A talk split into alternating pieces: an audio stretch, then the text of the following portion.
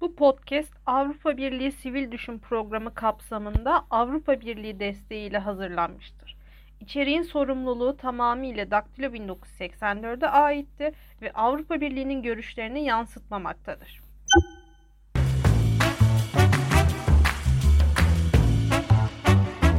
Toplumsal cinsiyeti mutfağında pişiren podcast. Mutfakta Ne Var'ın yeni bölümünden herkese merhaba. Ben Mertem Suat. Bugün mutfağımızda Doktor Filiz Akıp hocamla birlikte LGBTİ cinsel sağlığını ve LGBTİ bireylerin sağlıkta yaşadığı ayrımcılıkları pişireceğiz. Hocam hoş geldiniz. Hoş bulduk. Teşekkür ediyorum e, programa davet ettiğiniz için. Biz teşekkür ederiz mutfağımıza konuk olduğunuz için. Hocam ben size şunu sorarak başlamak istiyorum. LGBTİ bireyler Türkiye'de özellikle sağlık konusunda en çok hangi konularda ayrımcılığa maruz kalıyorlar bu ayrımcılıkların üzerinden nasıl gelmeye çalışıyorlar? Şöyle söyleyeyim. Ben bir aile hekimiyim. Birinci basamak uzmanı olarak e, tanımlayabilirim aile hekimliği uzmanlığını. Türkiye'deki aile hekimliği sisteminin içinde örneğin belli bir nüfusa bakan aile hekimleri var. E, bir kere e, benim hem LGBT bireyler arasında yürüttüğüm e, çalışma hem de aile hekimlerinden aldığı geri bildirimler çerçevesinde örneğin birinci basamak hizmetlerinden LGBT'lerin yararlanamadığını söyleyebilirim. E, LGBT bireyler arasında yaptığım üç tane çalışma vardı. E, gayler, e, lezbiyen biseksüel e, kadınlar ve translar arasında yürüttüğüm çalışmaların sonucunda e, sorduğum zaman LGBT bireylere sürekli sizi takip eden bir hekiminiz var mı diye sorduğum zaman düzenli izleyen hekimleri yok. Aile hekiminiz var mı diye sorduğum zaman aile hekimlerinin olmadığını belirtiyorlar. Sürekli bakım aldıkları bir hekimleri yok ve en çok başvurdukları branşta e, ruh sağlığı uzmanları. O da belli örneğin translar için geçiş süreci için e, gittikleri e, başladıkları sürecin başlangıç noktası olduğu için e, ya da ayrımcılığa uğrayan gruplarda daha fazla anksiyete ya da depresyon e, sıklığı görüldüğü için diyebiliriz. Ama onun dışında belli sağlık hizmetlerini alamıyorlar. Ben hekim perspektifinden anlattım ama LGBTQ artı bireylerin perspektifinden baktığımız zaman da o zaman da e, toplumdaki, e, Türkiye'deki daha doğrusu LGBTQ artı örgütlerin raporlarına bakmak lazım. Bu raporlara baktığımız zaman da Türkiye'de resmi olarak kayıtlı 14 tane e, örgüt var. Hak savunuculuğu yapan, e, sağlık hakkını da savunan e, ve bu raporlarda çok değerli bilgiler var. Bir kere en büyük sorun en başta LGBTQ artı bireylerin açılma süreçleriyle ilgili. Açılma süreçleri başladıktan sonra sosyal açılma diyebiliriz buna. Ve bu açılma sürecinden sonra yaşanan ayrımcılık, çevreleriyle yaşadıkları ayrımcılık, buna bağlı e, bazı e, sağlık sorunları. E, ayrıca gittikleri yerde hekimlere kendilerini yeterince açıklayamadıkları için kendi özel gereksinimlerinden kaynaklanan sağlık hizmetlerini alamamak, açıldıkları zaman da hekimlerine hekimlerinden kaynaklanan ayrımcılıktan dolayı yine yeterince e, sağlık hizmeti alamamak gibi e, ifade edebilirim. Genel olarak LGBTQ artılar için e, bunu ifade ettim. Ama ayrıca e, translara özel bir takım sorunlarında olduğunu söyleyebilirim. E, çünkü transların e, genel sağlık gereksinimleri dışında ayrıca geçiş sürecine ilişkin e, bazı e, sağlık hakları var ve bu haklarını gerçekleştirememeleri söz konusu. Örneğin SPOT'un 2015'te yürüttüğü bir çalışma var. Burada transların %54'ünün cinsiyet geçiş süreciyle ilgili yeterli ve güvenilir bilgiye ulaşmakta zorlandığı ifade ediliyor ve iki transtan birinin de cinsiyet geçiş ameliyatı için ciddi miktarda e, para biriktirmek durumunda kaldığı, hormon ilaçlarının ücretin devlet tarafından karşılanmaması sonucu e, bir takım sıkıntılar yaşadıkları, cinsiyet geçiş sürecine ilişkin bilgiye ulaşmakta güçlük çektikleri ifade ediliyor. E, şimdi yine hekim perspektifine döneceğim. Şimdi bir kere benim bulunduğum yerde hekim olarak e, gözlemim e, Ankara Tabip Odası'nın aynı zamanda LGBTQ artı çalışma e, grubu kurduk. E, burada da e, sağlık çalışanları ve LGBTQ artı örgüt temsilcileriyle bir aradayız. E, ve toplantılarımızda düzenli olarak e, sağlık sorunlarını, sağlığa erişimleri önündeki engelleri konuşuyoruz. E, hekim tarafından baktığım zaman tıp fakültesine ve e, hekimlere yönelik eleştirim e, tıp eğitiminde toplumsal cinsiyet kavramının anlatılmaması, toplumsal cinsiyetten söz ettiğimiz zaman üç tane bileşenini ifade edebiliriz. Bunlardan bir tanesi e, cinsiyet kimliği, e, gender identity. Bir tanesi cinsiyet rolü, gender rolü dediğimiz hep e, kadın çalışmalarıyla ilgili konularda e, toplantı düzenleyenler, konuşmacı olanlar hep gender role e, vurgu yapıyorlar. Evet toplumsal cinsiyet rolünü anlatıyoruz ama e, kaynaklara baktığımız zaman gender dediğimiz kavram üç bileşeninden sadece biri gender rol, toplumsal cinsiyet rolü, bir cinsiyet kimliği ve bir de cinsiyetin ifadesi gender expression. E, bütün e, Eğitimlerde zaten bu kavramlar yer almadığı gibi tıp eğitiminde de yeterince yer almıyor. E, benim e, üniversitede tıp fakültesinde çalışıyorum. E, çalıştığım üniversitede tıp fakültesinde ben top, Gender Based Medicine dersi veriyorum. Seçmeli ders olarak açtım. 3 yıldır veriyorum. Ve burada e, cinsiyete ve toplumsal cinsiyete bağlı sağlıkla ilgili konuları anlatıyorum. E, benim e, konuların arasında evet bu var. Benim gibi e, bu konuda ders veren tıp fakültelerinde e, emek harcayan değerli hocalarımız var. Seçmeli dersleri olanlar var. Ama bunlar yaygın olarak bütün tıp eğitimi müfredatına yerleşmiş durumda değil. Şimdi tıp öğrencileri bu kavramlarla tanışmıyorlar. LGBTQ artı kavramlarını bilmiyorlar. Transları, trans nedir onu bilmiyorlar. Non-binary, binary gibi e, ikilik dışı kavramların hiçbirini terimleri bilmiyorlar ve bilmedikleri gibi LGBTQ artı kavramlarının hastalık olup olmadığı konusunda da kafaları karışık. Yani literatüre baktığımız zaman, tarihçeye baktığımız zaman bir döneme kadar hep damgalanmış e, ve e, LGBTQ artı örgütlerin hak mücadelesiyle kazanımlar elde edilmiş. Ama bu kavramların hiçbirini e, hastalık mı değil mi konusunu hiçbir şekilde e, tıp fakültesi gündeminde tartışmamış hekimler ve bunların bir e, kavramların e, hastalık kategorisinde olduğunu düşünen çok sayıda hekim var ne yazık ki. E, farklılıklara kapalı olan e, bir anlayış var. Hekim perspektifinden bakınca ne oluyor? E, sağlık hizmeti alma talebiyle hekime, aile hekimine ya da hastaneye başvuran bir e, kişi cinsiyet kimliğini, cinsel yönelimini eğer yakınmalarıyla da ilişkili ise talepleriyle, geri sağlık gereksinimiyle ilişkili ise ifade etmekte zorluk çekiyor, çekiniyor. İfade ettiği zaman da e, çeşitli ayrımcılıklarla karşılaşıyor e, diyebilirim. Ayrıca e, kendi branşım açısından şunu söyleyebilirim. E, ben aile hekimliği uzmanı olarak, birinci basamak uzmanı olarak e, trans sağlığı konusunda uzmanlaşmaya çalışıyorum. WPET Dünya Trans Gender Sağlığı Uzmanlarının bir derneği var. Onun üyesi oldum ve eğitimlerini e, bir kısmını tamamladım. Temel ve ileri eğitimleri tamamladım. Ve ayrıca birebir mentor danışmanlık eğitimi alıyorum. Trans sağlığı konusunda uzman olmaya e, çalışıyorum. E, sınavı başarırsam tabii ki bunu almış olacağım ve Türkiye'de bu konuda çalışan tek aile hekimiyim. Ama Amerika'ya baktığımız zaman ya da yurt dışına birinci basamak uzmanlığının da alanı trans sağlığı. Sadece psikiyatrinin alanı değil, sadece endokrinin alanı değil. E, yani birinci basamakta translara e, sağlık hizmetini, koruyucu sağlık hizmetlerini vermemiz gerekiyor ve bununla ilgili de çok fazla kılavuz var, vak kaynak var. Yani genel hekimliğin içinde birinci basamak sağlık gereksinimlerinin karşılanması da e, önemli bir konu. Bunun da eğitimi verilmiyor.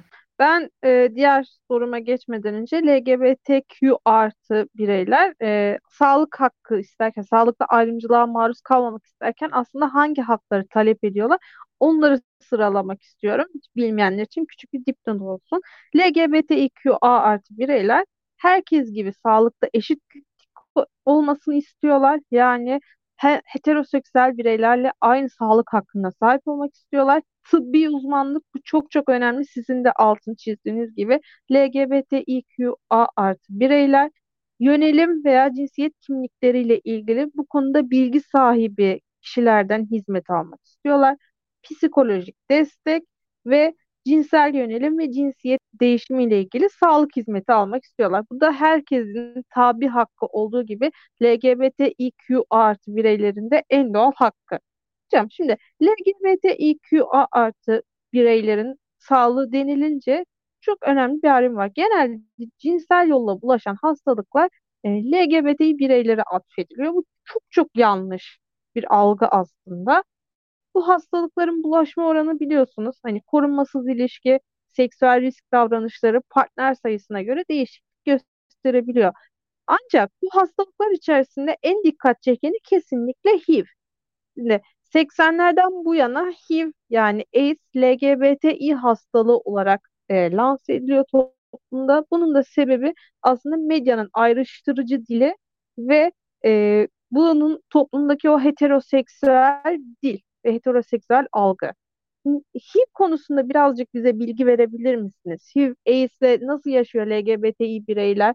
Özellikle de cinsel yolla bulaşan hastalıklardan nasıl korunabilirler? E, şimdi e, tabii ki damgalayıcı ayrımcı bir dil. Yani e, belli bir hastalığı belli bir gruba, belli bir kimliğe e, hapsetmek e, elbette ayrımcı bir dil. Yalnız e, şöyle söyleyelim, e, hani ben e, trans e, sağlığı, bakımı vermeye niyet eden bir hekim olarak şunu söyleyebilirim. Yani öykü alıyorsam e, herhangi bir e, bana başvuran danışan kişilerden burada e, altını çizmemiz gereken şu. Cinsel olarak aktif olup olmamak. Yani cinsel aktif olan herkes için olabilecek bir takım riskler olabilir. Korunma yöntemleri vardır bu risklerden. E, ne yapmak gerekir? E, aslında olaya hani böyle bakmak, belli bir gruba e, bunu e, mal etmek değil tabii ki elbette. Ama tabii ki baktığımız zaman da belli rakamlar var. Yani e, ülkemizde yapılan çalışma çok az ama dünya dünyadaki yapılan çalışmalara bakıyoruz. Örneğin e, bu rakamları da bilmek aslında bu ayrımcı bir dil yaratmak adına değil asla buna karşı olup ama bir yandan da örneğin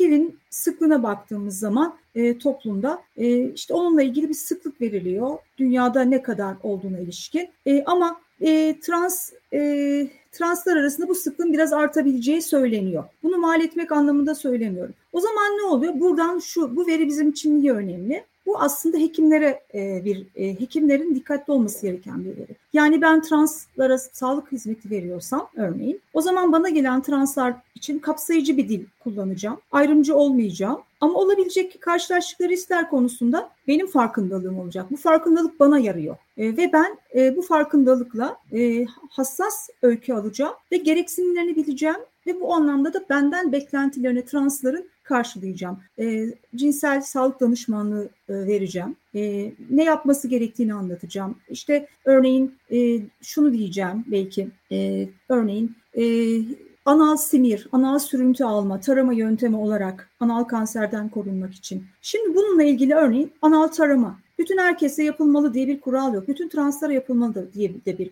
kural yok. Ama HIV pozitif olanlara yapılması öneriliyor gibi. O zaman benim vereceğim sağlık hizmeti sağlık sorunlarına ve gereksinimlerine göre e, farklılaşacak. Burada önemli olan aslında hekimlerin bu duyarlılığı bilmesi. Bu rakamlar onun için. Yani buradaki temel e, mantık e, aslında şu. Cinsel olan, cinsel olarak aktif olan her bireyin karşılaşma olasılığı olan bir takım riskler olabilir. Ama bunların da örneğin çaresi var. Evet, e, HIV, e, human, human Immunodeficiency virüs, virüs e, yani bağışıklık yetmezliği virüs dediğimiz virüsün yol açtığı e, bir bağışıklık yetmezliği durumu. AIDS dediğimiz durum herkeste olmuyor. E, çok çok ileri bir aşaması. Ama HIV pozitif bir partneri olan e, kişiyle de e, kişilerin cinsel ilişkisi olabilir ama bununla ilgili örneğin danışmanlık veren hekimin e, eğer eğitimi varsa işte temas öncesi alabileceği danışanlarını önerebileceği örneğin ilaç seçeneklerinin olduğunu bilmesi, bunu önermesi, danışanlarına bilgi vermesi gibi durumlar söz konusu olabiliyor. Yani burada aslında temel mantık herkesin her bireyin LGBTQ artı olmasına gerek yok. Özel sağlık gereksinimleri olabilir. Özel sağlık gereksinimlerinin arasında cinsel sağlıkla ilgili gereksinimler de bir, bir, bir, bir alt gruptur. O zaman herkesin, cinsel olarak aktif herkesin aslında hekiminden e, alabileceği e, bir takım e, pratik bilgiler, yaşamla ilgili, cinsellikle ilgili pratik bilgiler söz konusu olabilir. E, şimdi aslında burada da yine LGBT EQ artı translara yönelik yine e, yakıştırmadan bir takım cinsel e, yolla bulaşan hastalıkları sadece şöyle söylemek gerekir. Yani kondom kullanımı az olan kişilerde örneğin bazı riskler daha yükselir e, veya e, seks işçisi olarak çalışan kişilerde belki daha yüksek olabilir. Ama bunların hepsinin aslında e, güvenli bir takım yöntemlerle, yollarla, korunma yöntemleriyle korunması e, olanaklı olduğunu da vurgulamak istiyorum. E, ben Kaos GL'nin HIV ile ilgili bir araştırmasını okudum bu bölüme hazırlanırken. Orada mesela HIV virüsüyle yaşayan LGBTİ QA artı bireyler kendi deneyimleri için şöyle anlatıyorlar. Özellikle e, toplumdaki bu yanlış algı sebebiyle e, yüzleşme süreci, doktorun karşısındaki yüzleşme süreci çok gergin geçiyor.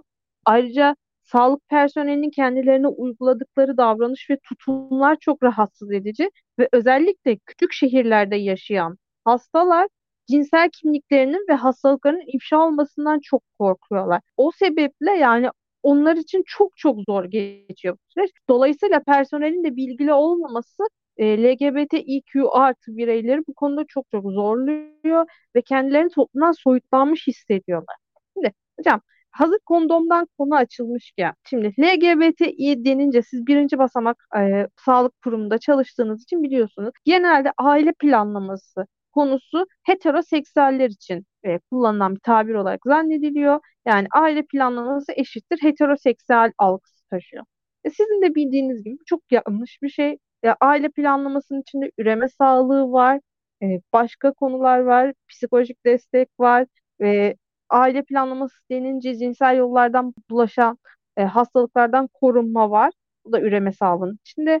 E, bu sebeple LGBTİ ve aile planlaması kavramını birazcık açar mısınız? Özellikle de bu üreme sağlığı hizmeti konusunu. Çünkü e, şöyle bir virgül de atmış olayım. Türkiye'de şu an sizin de bildiğiniz gibi e, çoğu birinci basamak sağlık kuruluşunda kondom ve doğum kontrol hapı temin edilmiyor. Sağlık Bakanlığı tarafından. Bu hem heteroseksüelleri hem de LGBTİQA artı bireyleri zora sokuyor. Bu aile planlaması konusunu birazcık açar mısınız bizim için? E, elbette açarım. Şimdi önce kavramdan söz etmek istiyorum. E, bu nüfus politikalarına baktığımız zaman e, uzun yıllar dünyada nüfus e, planlaması kavramı kullanılıyor e, ve sonra e, 1984'te Dünya Nüfus e, Kongresi'nde bu kavram eleştiriliyor. Tepeden böyle e, devletlerin ülkelerin nüfusuna karar vermesi, kişilerin üremesine karar vermesiyle ilgili konular eleştiriliyor biraz daha insancıl öğeleri olan aile planlaması kavramına geçiliyor. Ama bu da 1994'te Kahire Nüfus Konferansı'nda yine e, gündeme e, masaya yatırılıyor ve e, eleştiriliyor, eksik bulunuyor. E, bunun yerine üreme sağlığı kavramı gündeme getiriliyor. Yani aile planlaması kavramı daha eski bir kavram ama günümüzde ağız alışkanlığı sık sık aile planlaması kavramı olarak anlatılıyor ama reproductive health, üreme sağlığı kavramı e, gündeme geliyor. E, burada cinsel haklara vurgu yapılıyor. E, cinsel haklar e, kişilerin sadece üremesine gönderme yapan kavram değil, mutlu cinsellik e, yaşaması, doyumlu cinsellik yaşamasına da e, gönderme yapılıyor ve doğumdan ölüme kadar e, sağlıklı yaşama e, hakkında da vurgu yapılıyor. E, üreme sağlığı kavramının içinde cinsel hakların içinde tabii ki LGBTQ artıların e, cinsellik, e, güvenli cinsellik ve cinsel sağlık haklarında, cinsel e, e, mutlu doyumlu bir cinsellik hakkında ele alabiliriz. Ama ben e, kişi olarak ayrıca bir aynı zamanda feminist olarak e, reproductive health kavramında eleştiriyorum e, uzun zamandan beri. E, yani niye üreme üzerinden almak zorundayız? Belki daha iyi bir terim bulunabilir. Ama bu e, kavramın kendi adına içeriğine değil, içerinin e, önceki kavramlara göre çok daha olumlu olduğunu ve cinsel hakları kapsaması açısından da e, çok iyi bir e, kavram olduğunu düşünüyorum. Elbette e, eksikleri olmakla birlikte. Şimdi tabii ki böyle baktığımız zaman birincisi Türkiye'de zaten uzun süreden beri e, birinci basamak sağlık kuruluşlarına başvurduğumuz zaman bir takım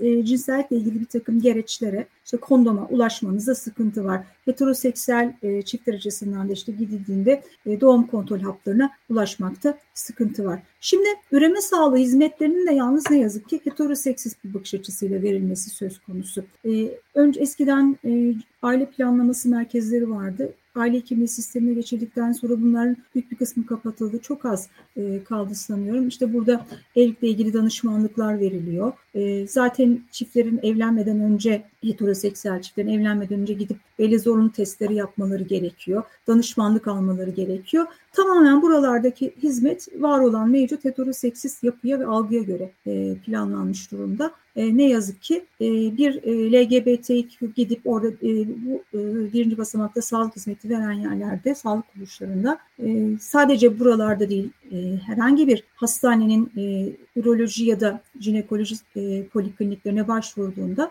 e, ne yazık ki cinsel sağlık, üreme sağlığı konusunda e, danışma al, danışmanlık alma olanaklarına e, sahip olamıyor ya da bir takım materyallere ulaşamıyor. Bu tamamen heteroseksist bir e, algıdan ve tıp eğitiminden, uzmanlık eğitiminden bir kaynaklanıyor. Bu alanda özelleşmiş, daha özgül bu konuda eğitim almış hekimler e, ki onlar da genelde LGBTQ artıların e, birbirlerine önerdiği, işte sen şu hekime gidersen, şu jinekoloğa ya da bu uroloğa gidersen birbirine önerdiği çok az bir grup e, arasında bu konuda danışmanlık e, verilebiliyor. E, şimdi Bir başka boyut da e, şöyle e, ifade edebilirim. E, evet kondoma ulaşamıyorlar. Bir tanesi de HPV konusu var. E, HPV tarama programları var. HPV tarama programı ülkemizde yürütülüyor. HPV tarama programı da tamamen e, heteroseksiz bakış açısıyla hep e, kamuoyuyla paylaşılıyor. E, HPV'de HPV tarama programının içinde evet kadınlar işte belli bir yaş grubundan işte 65 yaşına kadar tarama programına dahil oluyor.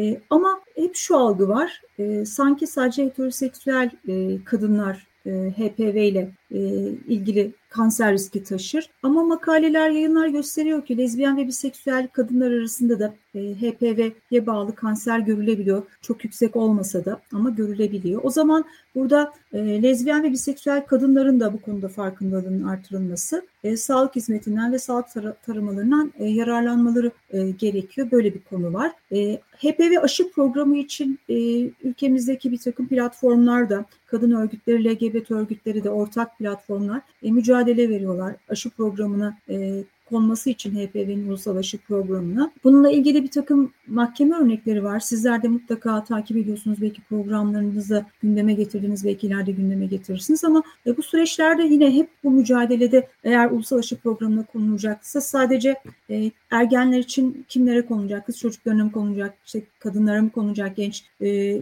genç kadınlar belli bir yaş grubuna kadar mı? Kimler olacak? Bunu şu an bilmiyoruz. Oysa e, dünyadaki e, otorite niteliğindeki bir takım e, kuruluşların önerilerine baktığımız zaman HPV aşısının e, aslında e, bütün ergenler için önerilmesi söz konusu. 21 yaşına kadar önerilmesi, herkes için önerilmesi e, söz konusu aşılama programında. Ama elbette tabii ki yaş olayı hani kılavuzlarda böyle yazıyor ama şu yaşa kadar demek de doğru değil. Örneğin işte 30 yaşında e, bir e, kadın örneğin ben e, HPV aşısı yaptırabilir miyim diye sordu. Evet elbette yaptırabilir. Daha önce HPV aldıysa bile belki en ağır, en riskli kanser yapıcı alt gruplarını almadı. Sonrasında maruz kalması söz konusu olacaksa elbette yaptırabilir, kendisini koruyacaktır. Yani o zaman e, sadece e, kondom değil, HPV e, değil, e, anal simir, anal tarama e, örneğin bu da bir cinsellikle ilgili bir konu. E, güvenli seks, cinsellikle ilgili e, bu konuda kişilerin danışmanlık alması söz konusu olabilir. Danışmanlık aldığında kimden alacak? Bu konuda e, kimler e, bu hizmeti veriyor? Her hekim bunu yapıyor mu? Nerede yapılıyor? Bu konular şu an hep altı boş konular. E, tarama yöntemleri açısından. E, HPV'nin aynı zamanda sadece hani serviks kanseriyle anılması söz konusu. Bu da yine ayrımcı bir yaklaşım, kapsayıcı değil. E, anal kanser açısından da risk olabilir. Ya da e, oral seks sırasında e, nefes borusuna laringse yerleşti, yerleştiyse e, burada da yine hücresel bozulmalara yol açıp e, kansere yol açabilir. Bu konuda da yine e, makaleler gösteriyor ki giderek artıyor HPV'ye bağlı larynx kanserinin dünyada arttığı görülüyor. E, o zaman bu konuda da danışmanlık almak e, gerekebilir. E, Ayrıca bir başka konu üreme sağlığı dediğimiz zaman üreme hakkından da e, söz edebiliriz. E, bu çok e, benim önemsediğim bir konu üreme hakkı. E, şimdi biz baktığımız zaman e, dünyada örneğin e, geçiş süreçlerine e, translar için e, transların e, Türkiye'deki geçiş sürecine baktığımız zaman e, Türkiye'deki e, model karma bir model. E, transların kendini e, beyan e, ve ifadesiyle ilgili e, nüfus cüzdanlarını ve kimliklerini değiştirebilmeleri için önce geçiş sürecinin bütün e, cerrahi adımlarını tamamlamaları gerekiyor. E, ama dünyada baktığımız zaman modellere bir tanı modeli var. Üç farklı modelden söz ediliyor. Tanı modeli, değerlendirme modeli ya da be, ve e, üçüncü olarak beyan modeli. E, tanı modelinde kişinin kendini tanımladığı cinsiyetin resmen kabul edilmesi için belli bir tanı e, gerekiyor. Değerlendirme modelinde translara yönelik psikolojik tıbbi bir değerlendirme zorunlu kılınıyor. Hem Norveç'te hem Türkiye'de cinsiyet geçişi için bu ikisi bir arada uygulanıyorken Türkiye'de kişiler zorunlu kısırlaştırmaya maruz bırakılıyor. Ama esas e, mücadele verilen beyan modeli kişi cinsiyetinin nasıl e, adlandırdığını resmi bilgilerinde buna göre düzenlemek isteyenler için böyle bir hak söz konusu beyan modelinde beyan esas oluyor. E, şimdi burada e, önemli bir konuda e, yine e, kişilerin transların e, bu zorunlu olarak e, maruz bırakıldıkları kısırlaştırma. Oysa WPET adını e, biraz önce de size ifade ettim. E, trans uzmanlarının uluslararası örgütü. E, onların Standards of Care dediği bakım e, esaslarını anlattığı kılavuzu var. Geçen yıl Nisan'da kılavuzun 8. kılavuz yayınlandı. E, trans bakımı veren bütün sağlık profesyonellerinin referans kitabıdır o. Burada da altı çizilen o bir hekim bir trans danışanıyla görüşüyorsa ona seçenekleri geçiş sürecinin seçeneklerini sunarken en başta üreme ile ilgili konularda da onun e, haklarını e, kendisi bilecek ve onunla mutlaka e, bu konuyu da konuşacak. Örneğin e, e, yumurtalarının ya da spermlerin dondurularak saklanması ve bir e, transın ve bütün o geçiş sürecini tamamladıktan sonra ve bir takım cerrahi süre, süreçleri de tamamladıktan sonra ileride dünyaya bir çocuk getirmek istediğinde e, o yumurtalarının kullanılabilmesi gibi e, konularda kılavuzda altı çiziliyor. Hekimlerin mutlaka bunu dile getirmesi gerekiyor. Ama Türkiye'deki yumurta dondurma süreçleri de e, sadece belli e, yine heteroseksüel e, çiftlere ve belli hastalık durumlarını kapsıyor. LGBT'leri kesinlikle kapsamıyor. Zaten var olan mevzuatta e, başta zaten e, kısırlaştırmayı zorunlu e, kılıyor.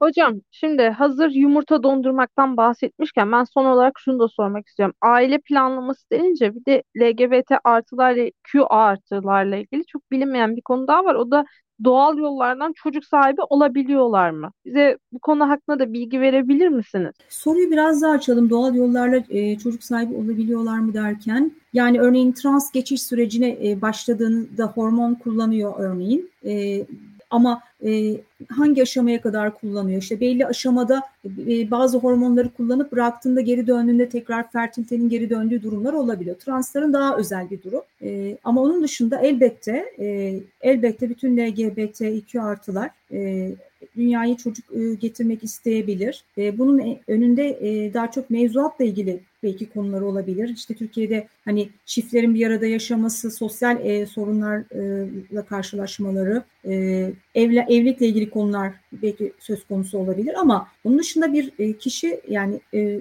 üreme e, özellikleri e, devam eden her biri e, elbette dünyaya çocuk getirebilir. E, ama sorunuzu biraz daha açarsanız hani özellikle merak ettiğiniz e, kısmı.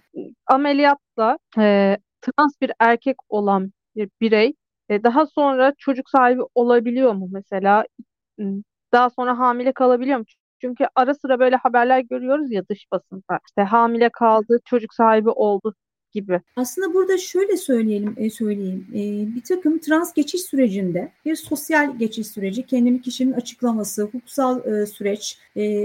Türkiye'de o biraz daha sonda işliyor. E, kimlik değiştirme en son noktada örneğin söz konusu. Bir medikal yani hormonların kullanıldığı süreç ve cerrahi süreç var. E, çeşitli ameliyatların olduğu süreç. Şimdi kullanılan hormonlara bağlı olarak vücutta bazı değişiklikler oluyor. Bu kullanılan hormona göre, transların kullandığı hormonlara göre bazı üreme ile ilgili işlevler etkilenebiliyor. Ama burada hani ben genelleme yapacağım. Belli bir noktada bir hormon alıp onu bırakıp tekrar e, bıraktığında geri dönüşüp e, gebelik olabilen durumlar olabilir. Ama bazılarında böyle bir şey söz konusu değil. Bir de ameliyatlardan söz edeyim o zaman. Örneğin testisleri alınmış. E, orşektomi deniliyor.